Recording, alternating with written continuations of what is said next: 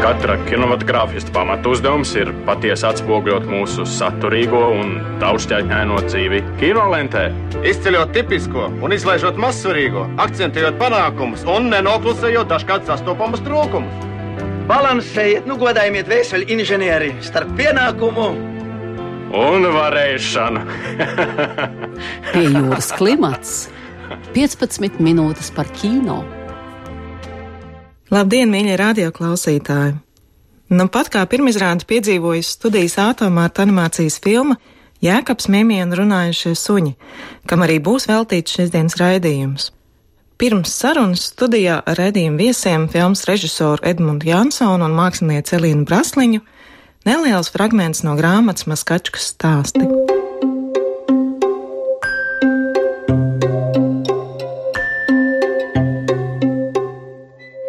Jēkabs Putns vairāk par visu vēlējās kaut pilsētai tuvotos briesmīgi vienacaina komēta, vai vismaz notiktu kāda cita liela katastrofa, kas liktu Daugavas tumšajiem ūdeņiem, izkāpt no tās krastiem un ar visiem saviem vēderā cienīgi mest lokus pa Rīgas ielām un bulvāriem.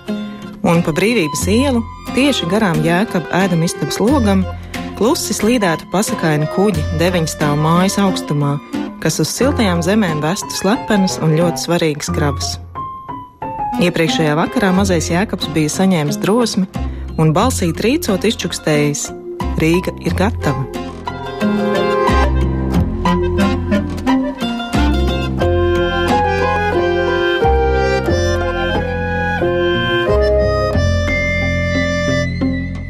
Šodien studijā viesojas Maskāčkas vēstnieki, filmas Jēkabs, Mimija un runājošie suņi režisors Edmunds Jansons un māksliniece Elīna Brāsliņa. Labdien! Labdien! Labdien. Nu, pavisam nesen ir notikusi filmas pirmizrāde un tās tapšanas cikls. Nu, principā varētu teikt, ir noslēdzies, bet kā viņš sākās? Kā tas vispār viss aizsākās? Kad radās ideja pārvērst Luīzes pastors grāmatu Maskačkas stāsts tādā animētā piedzīvojumā? Kā jau vienmēr dzīvē, tā ir kaut kāda tāda apstākļu virkne, kas sakrīt kaut kādā noteiktā kārtībā, un tāda zibenīga lēmuma taisīsim tagad pilntrāžas filmu, pēc tam skaidrs, ka stāsts nebija. Mēs bijām iepazinušies ar grāmatu, lasījām viņu bērniem, likās ļoti laba. Bet kaut kādā tajā dzīves posmā nešķita saistoši taisīt filmu. Bet tad paralēli Līga Gaisa rakstīja scenāriju. Vienkārši viņi dramatizēja šo grāmatu ar domu, ka tā varētu būt gan spēļu filma, gan animācijas filma. Tā diezgan nekonkrēti vēl meklējot vispār kaut kādas viņas eksistences formas. Un tad bija trešais apstākļus vai gadījums, bija simtgades konkurss. Tie bija finansējums, pieejams un varēja mēģināt startēt ar šo projektu kā ideju. Tad vienā mirklī likās, jā, kāpēc gan ne, varētu pamēģināt. Bet tā jau pirms sākumos bija iecerēta kā filmas filma. Ja jā, jā, tas stāsts viņas formāts bija skaidrs, ka tur grūti iztēloties, ka tā varētu būt īsa filma. Līga gaisa viņa rakstīja kā filmas filmas scenāriju. Un Edmunda intervijā Faltu salīdzina animācijas īsfilmu ar dzēju, bet filmetrāžu ar romānu. Un tad es gribēju vaicāt, kādas tad ir tās lielākās atšķirības un lielākie izaicinājumi strādājot pie filmetrāžas. Tā bija tā pirmā pieredze ar filmetrāžas animācijas filmu. Mm, jā, šī bija pirmā filmetrāža. Mm, nu, kaut kādas līdzības, protams, tur ir tas ražošanas process un cikls var salīdzināt un saprast, apmēram tas ir kopīgs, tas ir atšķirīgs. Bet par tiem izaicinājumiem Droši vien tas mērogs un laiks, kurā tas tiek taisīts, ir tomēr trīs ar pus gadi. Tu kaut kā diezgan ilgi iekšā kaut kāda materiāla, tas brīžiem nav viegli. Laikam mokošākais ir šis maldīšanās periods, kamēr tu vēl īsti nezini, kāda viņa varētu būt tāda vai šāda, vai kā viņa varētu attīstīties. Un tūkstots varianti, un tu saproti, ka tev vienkārši jāizvēlās kaut kāds virziens. Bet tas arī pīsumam jāiemokošais. Elīna, tā bija jūsu pirmā pieredze kā filmas māksliniece? Pirmā pieredze animācijā vispār, ja neskaita, man liekas, C kursus akadēmijā, kur viens semestris mēram animēt kā krīt bumbiņa. Jā, tas bija pilnīgs tāds pirmais vispār iepazīšanās un uzreiz jau darbs. Bet ko nozīmē būt eh, animācijas filmas māksliniekam? Kurā posmā beidzas mākslinieka un sākas animātora darbs? Nu, man liekas, tā īsti tas mākslinieka darbs līdz beigām, varbūt pašās pašās beigās mazāk, bet visu laiku viņš bija, jo pirmais, protams, tas, ka mākslinieks, kur vēl īsti neiesaistās, ir tas, ka attīst scenāriju, bet te pašā laikā mākslinieks meklē filmas stilu, samērojot to ar tehniskajām iespējām, tad bija tēlu dizains, tad bija uh, foni. Un tā kā tas stāsts dinamiski attīstījās, mēs tik trausmīgi stingri pie tā scenārija nemaz neturējāmies, tad bija, teiksim, pārmaiņas, kaut kas bija jāpārzīmē, jāpiezīmē, kaut kas no uzzīmētā nenonāca filmā, un, protams, beigās ir šis te posms, ka ir vārds par filmu jānes pasaulē, un ir mārketinga materiāli, un viss kaut kas tāds, tā kā, nu, līdz pēdējiem brīdim darbs noritēja. Kurš bija pats pirmais no filmas tēliem? Kurš radās pirmais? Laikam jau Jēkabs, laikam Jēkabs. es nezinu, vai tas bija pareizākā izvēle, bet nu, Jēkabs bija pirmais, ko mēs tā kā, nu, taisījām, viņš, protams, visur bija vajadzīgs. Bet eh, kura pārziņā ir šie tēlu raksturi, vai Elīna tos attīstīja iedvesmojoties no grāmatas teksta, no scenārija, arī Edmund, jums jau bija kaut kāds gatavs redzējums, kādam viņiem ir jābūt? Nu, kaut kāds tāds aptuvens priekšstats jau veidojās. Viņš veidojas tiešām lēnām. Lasot grāmatu, jau kaut ko iztēlojies. Tur ir Rēņa Petersona mm -hmm. ilustrācijas, tad jau kaut kā jau papildināt. Tad tu sāc domāt jau par kaut kādām konkrētām situācijām. Nu, scenārijā tu, teiksim, redzi tādu epizodi, kurā jau iezīmējās apmēram nu, tēla raksturs, kādā veidā viņš reaģē, ko viņš saka, kā viņš kustās. Nu, tu tā sāc nojaust. Un tad tas lokus tā savalkās ar vien ciešāk, līdz viņš kaut kā konkretizējās. Tad Elīna piedāvā savu redzējumu, kā viņa viņu fiksē uz papīra, uz ekrāna, un tad jau tu redzi to savu reakciju, vai liekas, ka viss jā. Tieši tā kā es iedomājos, vai liekas, nē, nē, man liekas, ka viņš ir pa lielu vai pa mazu. Mm zinot Elīnas rokrakstu, arī jau var spēj iztēloties, apmēram, kāds viņš varētu veidoties. Bet bija arī kaut kāds tēls, kurš piedzīvoja tādas nozīmīgas transformācijas, ja no kur varbūt jūs atteicāties vispār? Tīri sižetisku apsvērumu dēļ, filmas konstrukcijas dēļ mēs atteicāmies no vienas jaukas auklītes. Jā, auklīte bija, mēs viņus ļoti daudz laika pavadījām, bet auklīte izkrita. Bet, nu, otrs tēls, mēs ērgli diezgan ilgi, tā kā kamēr atradām, jo tas Reņģa Petersona ērglis, viņš bija ļoti tāds spēcīgs, teiksim, tais ilustrācijās, kas no viņa netika vaļā. Viņš sākumā bija tiešām tāds muskuļains un pievilcīgs. Teiksim, tas filmas stāsts kaut kā izveidojās tā, ka viņš nebija īpaši komisks tēls, man liekas, tajā grāmatā. Jā, jā, tad, kad saliec tos tēlus kopā, tu redz arī, kā veidojas mm. kaut kāds ansamblis un kādas ir attiecības, un tad, kad tu redz, ka tur ir divi līdzīgi auguma tēvi, bet pilnīgi atšķirīgi pēc savas dabas, mm. tad mēs sapratām, ka vismaz vizuāli viņiem vajadzētu arī nedaudz atšķirties, un tad kaut kādu brīdi mēs viņu sākām spiest mazāk un apaļāk. Mm, viņš saspiedās pavisam maziņš no paša. Jā, nu, jā Denīs Devito bija laikam tas, kurš mm. likās, ah, šis varētu būt viņa radinieks. Jā, es tieši to gribēju vaicāt, vai šiem te tēliem un arī mājām, no skačku sēnām, vai tiem ir kaut kādi reāli prototipi dzīvē. Man šķiet, ka es pat kaut kādas mājas un, un parkus atpazinu. Viņa ir varbūt mazāka, kā varētu šķist. Konkrēti ir Mimi mājas pagalma, ieeja ir reāli ēka Maskavas 137. Maskavas dārs ir puslīdz tas parks, kur notiek darbība. Ir baznīca, kas ir īsta baznīca Maskačkā centrāla tirgus. Um, šis te, jā, tunelis. Tunelis, tunelis bišķi ir pārveidots mūsu vajadzībām. Tunelis zem uh, salu tilta mm, Rīgas modes. Šī pietur pretī Jākab mājai. Mēs, principā, radījām tādu diezgan stilizētu iespēju, ja, teiksim, mums ir gan arī tikai koka arhitektūra, mums ir ļoti maz mašīnu uz ielām. Attiecīgi, tas darbs būtu bijis ļoti, ļoti sarežģīts, ja mēs gribētu katrā ainā, teiksim, precīzi reproducēt kaut kādu maskāčkas vietu. Attiecīgi, mēs vairāk sajūtu centāmies uzburt. Jā, tas arī nebija uzdevums, protams, nu, jā, jā. kā dokumentā. Bet, tas prasa šo. jā, jā, nē, tas ir interesanti. Pagājušajā nedēļā gājām pa brīvības ielu un vecākā meita pēkšņi saka, jā, kāpēc laikam mājās. Tā nesaprotu, ko viņi domā. Es pēkšņi saprotu, mēs esam uz brīvības Latvijas stūra. Viņi saprot, kur vajadzētu būt Jākapa dzīvoklī. Viņi redz, ka tur deg gaisa. Viņi saka, Jākaps mājās. Bet par šo tieši konkrēti par Jākapa mājām bija tā, ka nu, Anita Melecel tajā laikā bija mūsu arī komandā. Viņi saka, būtu baigi labi redzēt, kāds ir skats no jēkaba loga, vai varbūt var kaut kur tur uzkāpt. Un es arī eju iekšā tajā tur ēkā un skatos, ka tur opā ir kaut kāds notāra birojs. Būtībā es esmu ļoti īstenībā pēc dabas drosmīgi kautrīgs cilvēks, bet es stāvu, stāvu, saku, nē, šis ir mans darbs, te seju klauvēju, un es viņam stāstu, kāda ir man vajadzība, ka man vajag redzēt, kāds ir skats no potenciāli topošās filmas galvenā varoņa loga, un vai jūs lūdzu man neielaist tai tur kabinetā, nu man ielaida arī, viņi tā apstījās uz mani. Un, principā, šī attēla ir noderēja, teiksim, tas skats, kāds viņš pavarās uz šo pašpašbrību. Es domāju, viņi varētu pielikt memoriālo plākstu. Jā, jā. šajā namā dzīvoja Jākaps Putns. Kāda ir jūsu jūsu pašu saistība ar Maskaču, jo šis te rajons, no priekšpilsētas filmā ir parādīta ir ārkārtīgi liela mīlestība, un mēs pat arī filmā sekojam līdz tam, kā Jēkabs, tāds rūdīts centra puika, tomēr sāk saskatīt to veco māju un, un veco parku šārmu. Un tur droši vien divi kaut kādi aspekti. Viens ir, es esmu studējis kultūras akadēmijā un pavadījis kaut kādu laiku Ludus ielā. Nu, tad es kā pazīstu, tad tā ir mans saikne ar Maskačku. Bet tas nav tik daudz ar domu romantizēt šo pilsētas daļu. Tur kaut kāds cits aspekts darbojās. Savā ziņā Jēkabs dodas ne tikai no pilsētas centra uz Maskačku, bet viņš arī dodas no kaut kādām mūsdienām uz drusciņu pagātni. Ka tas siltums, jeb tā atmosfēra, mm, vairāk ir tāda, jā, vēlama atgriezties kaut kādā bērnības sajūtā. Tas ir tas, kas tur būvējas apkārt kaut kā tās jāsacauc uz mūsu bērniem, ka mēs mūsu dzīvi pagalmos bez telefona, laikmets un, un pavisam citas kaut kādas intereses un attiecības.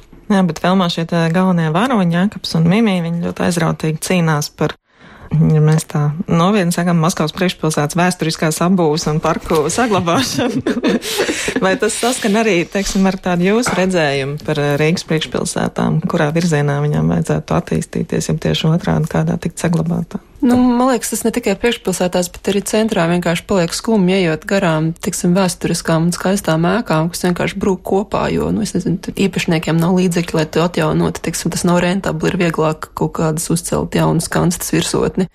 Tāpēc ir skumji. Man, teiksim, es nedzīvoju Maskaškā, bet es redzēju, kā izmainās vieta, kur es dzīvoju, kas bija maziņas dzīvoju Krišāņu Valdemāra ielā pie Rīgas dizaina mākslas vidusskolas, un tur bija hipodroms ar zirgiem, un tur bija tie mazdārziņi, un tā bija tāda mana bērnības sajūta, kad ir zirgi zirgi un, un tās mazās mājiņas, un tur var iet, teiksim, tuvu centram dabūt tādu lauku sajūtu, un tagad tur tāda mini Manhattan sāk veidoties. No vienas puses, jā, forši stilīgi, bet no otras puses ir nu, sajūta, ka kaut kas mainās, un nevienmēr ir skaidrs, vai tas ir uz labu.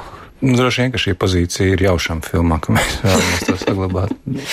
Es neesmu pret modernu mm, arhitektūru protams. un pret attīstību. Es domāju, ka tas ir jādara, bet droši vien, ka jāizvērtē konkrētās situācijās. Varbūt, ka tur jau kaut kas vērtīgs ir.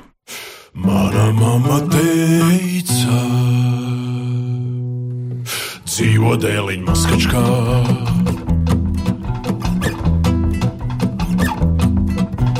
Mana mamma teica, dzīvo dēliņa maskačkā. Iemācīsies drosmi labāk nekā armijā.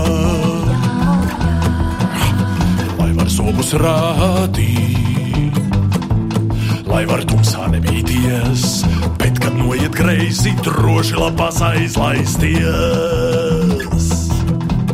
Tuneļi un vārdu rūmes, pārgās kaimiņienes plūmes, žogi, kapi, bruģakmeņi, burlaki un biznesmeņi, treniņi, pikses, ādas, jakas, apsargi ar autokrātās maskačka, ņitūračka, maskačka, figūračka, maskačka, snigūračka un runājošie suņi visam blakus skočpēdēs tev saku. Un kā notika šī filmas teksta ierunāšana. Man interesē, vai visi aktieri to darīja vienopus, piemēram, tajā ainā, kur visi suņi uh, iepazīstās.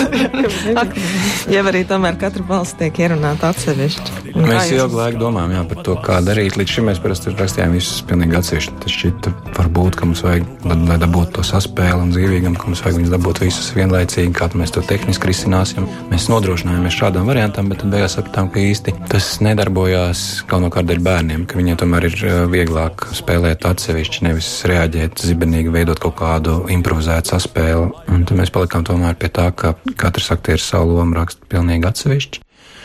Dažreiz viņi satikās priekštelpā, dažreiz nē. Jo par tiem izaicinājumiem, kas bija visgrūtākie, droši vien tiem dialogiem visilgāk gāja. It kā saproti, ja viens ir scenārijā, to viņi ieraksta, klausies, liekas, ka nedzīvs, un tad mēģina vēlreiz, tad mēģina pamainīt jēgu, tad mēģina pamainīt vārdus, izteiksmi. Mēs ierunājam visu filmas tekstu pirms animācijas sākšanas, jo tā ir tāda specifika, tev ir filmas teksts, un tad uz to animē. Mm. Un tad vienā brīdī tas viss vienkārši pazuda. Un vairs nebija neviens no tiem vecajiem tekstiem palicis, saglabājies. Bija, es biju pārunājis visas lomas. Vien... tas bija darba gaitā, ka, teiksim, Edmunda balss ir pilnīgi visur, un viņš vēl mēģina kā runāt kā kucēns. Un tad man bija lielākais prieks, ka nu, es tās kucēna balss līdz pašam pēdējiem brīdim nebija dzirdējis. Man filmā, man liekas, viņas tik ļoti patika, jo līdz tam viss kucēni izklausījās pēc Edmunda. Bet kā jūs izvēlējāties šīs balsis, tos aktierus? Tas ir kaut kā skatoties uz zīmējumu, jau kaut kāda balss nāk prātā. Nu, līdzīgi tāpat kā jautājums, turpinot jautājumu par to tēlu, kā viņš vizualizējās, tieši tāpat tām arī nu, kaut kādā brīdī tu sāc iztēloties, kā viņš skan. Un nu, tu arī nojaut nu, tos mūsu cilvēku resursus, apmēram saproti, zina aktierus. Un par Mimi mums bija varbūt visskaidrāk uzreiz, jo ar Noru Džumā, kur ir ieskaņojis Mimi, mums jau bija sadarbība pie Bīzes un Eguļas, viņa bija Bīza, un pirms tam viņa bija Zeķīta Lupatiņos. Un ar viņu bija ļoti viegli strādāt, un šķiet, ka viņš šobrīd atbilst tieši pēc īstam vecumam, un mēs to uzreiz arī mēģinājām. Un tas pirmais ieraksts bija pirms diviem ar pus gadiem Gan arī trīs gadiem atpakaļ. Pavisam citādāk jā, jā, izklausījās. Bērniem ļoti strauji mainās tās balss. Viņiem bija ļoti grūti, viņi nu, lādi maskači, ka viņi nevarēja izrunāt, un, un buldozers, un, un, un tas bija nu, ļoti sarežģīti. Es saprotu, mm, varbūt, ka viņi pamāza. Bet, tad, pieaug. kamēr mēs uztaisījām filmu, viņi pieauga un atnāca un ierunājām, varēja viņš pateikt buldozers. Un ar pārējiem jau diezgan ilgi arī jāka bija mm. tāda. Um, tu it kā kaut ko iztēlojies, bet tu nevari līdz galam iztēloties, jo tomēr arī balsī ir ļoti daudz nianses. Un balss veido, veido to priekšstatu par tēlu, kurš ir uz ekrāna. Jā, ka mums bija tiešām, nu precīzi, nu, jā, vairāk, nu, vai bija divi vai trīs simti, ne, bet nu, kādi vairāk par simt noteikti kandidāti. Mēs gājām un drausmīgi ilgi nevarējām izvēlēties. Domāju, ka visi vecāki bija nikni uz mums. Kur atbildes mēs, es, mēs varam braukt un dzīvot uz īriju, vai mums jāgaida būs rezultāti, bet eh, beigās es tad priecīgs esmu. Jā, liekas, Jākaps baigi labais. Viņš galais izstāst pēc Jākapa, kas bija tā negaidīt. Un, un, un mums bija otrs 100% eh, tāds kandidāts, kurš beigās bija rausis. Viņiem ir līdzīgi, viņi vecumā un arī balsīs ir līdzīgi, bet tur ir kaut kāda šī mazā atšķirība. Viens ir tāds ļoti racionāls, un otrā ir kaut kāds tāds tāds nervs, drusciņ, ka jūt kā sapņotājs. Jā, tā tā jā, daudzu testu rezultātā vienkārši mēģinot ierakstīt kaut kādu epizodu, uzliec viņu jau gatavajā animācijā, paskaties, ir vai nav, tad, tad pamaini, paskaties. Tas viens un otrs arī, jā, kā viņi sadarbojas ar partneriem. Kāds jēkabs ļoti brīnišķīgs, bet viņš šausmīgi līdzīgs ir Mimī. Un, saprot, ka nevar mm. tā atstāt un par bosu un abiem tēviem. Jā, kaut kā jau tā diezgan precīzi reiz arī izstāties. Nu, jā, boss varētu būt skaišs. Un jēkab teica, nu, šeit kas notiņš. Smieklīgi, protams, ka uz to ierakstu brīdi tikko bija beidzies darbs pie um, Aika Krapķena filmas uh, pirmzīmēs. Viņš no viena arhitekta pārvērst uz otru arhitektu. Ne, nu visi ir brīnišķīgi aktieri, jā, bet tieši ar to, ka viņi palīdz veidot to tēlu, viņi nepieņem kaut kādu vienkāršāko ceļu. Es varbūt pat skatos, man kā sānu, tur jākap teica, viņam tur drusciņi sākumā, drusciņi beigās, viņš nu, tāds te bija un te aizgāja. Un varbūt kaut kā primitivizēt, nu, ļoti vienkārši man varbūt vajag, lai viņš ir, bet nezinu, viņš cīnās, viņš mēģina atrast to tiešo intonāciju. Tas mums bija kaut kāds epizodes, kurā ienākot maskačkā teica, runā arī ēkab un stāsta, kāda ir maskačka, un maskačka ļoti īpaša, jā, te ir piecu dažādu konfesiju baznīcas. Kas tas tāds? Kā tā var runāt? Neteikšu to. Nu, ne, jau nekad neteikšu, bet viņš cīnās un piedāvā savus variantus, un tas, mm. protams, liela bauda strādāt ar tādu līmeņa aktieriem, ka viņš, protams, brīnišķīgs un gads gāga, un, protams, mm, ļoti labs. Superīgākais ērglis vispār. Jā. Tie ir tie jaukie brīži. Kas nebija ne grāmatā, ne arī patiesībā scenārijā, bet kaut kādā beidzamajā montāžā sapratu kaut kādu tēmu, kas man pašu aizkustina vai interesē. Un šī jēkaba ticēšana savām īpašajām mm -hmm. spējām, es to uztveru pa īstam, tāpēc, ka man pašam tā ir bijis, ka es pats ticu kaut kādām savām it kā īpašajām spējām. Mēs visi kaut kādā mērā, nu, mēģinām pateikt, ka mēs esam no bērnu vecumā, pateikt, ka mēs esam īpaši, nu, mēs to gribam ļoti. Es domāju, tāpēc tāds poters vienkārši rulē, tāpēc, ka tas ir īpašs puisīts, un mēs visi gribam būt ļoti īpaši, ka mēs gribam, lai mums ir šīs spējas, un es par to domāju, mēģinot atcerēties sevi, kaut kādu savu sajūtu Jākab vecumā, un tāpēc nu, parādījās Jākabam šīs īpašās spējas un šī ticība tam, ka viņš tur ietekmēs tagad tos procesus. Un tad, jā, man ļoti patika, ka bija komentāri, ka man pienāca tieši pateicis par to, jā, mm. man arī bija īpašas spējas. Edmunds, tagad pēc šīs pieredzes, kas būs nākamā īsfilma vai filmetrāža? Mm, es ceru, ka īsfilma. bet eh, jā, ļoti jocīgi tā sajūta, nu, tā filma tikko gatava. Bet... Un ir, protams, gandarījums un visas nu, atsauksmes, nu, šķiet, ka viņi darbojās. Un, un, bet tik un tā es skatos, to, tā taču bija iespēja nu, uztaisīt perfektu, ideālu filmu Vai tas ir izdarīts līdz 1000%? Droši vien, ka nē, ka varēja labāk. nu, tas droši vien vienmēr paliek kaut kā mm. tāda sajūta, ka vajadzēja varbūt to tā un, un, un to tā, un, un ir tāda vēlme nu, uztaisīt to perfekto filmu.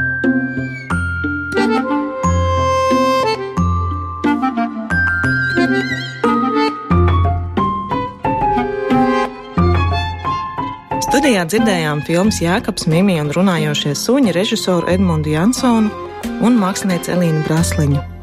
Animētā maskačkas versija, ar kuras palīdzību pārcelties bērnībā ar tās rotaļām pagalmos, uz Rīgas kino ekrāniem skatām jau šobrīd, bet mēs atkal tiksimies pēc divām nedēļām, kad ar svaigiem iespaidiem būšu atgriezusies no jau 69. Berlīnas starptautiskā kino festivāla. Raidījumu vadīja Sonora Broka un montēja Judita Bērziņa. Piejūras klimata producenta Inga Saksona. Raidījums tapis ar valsts kultūra kapitāla fonda atbalstu.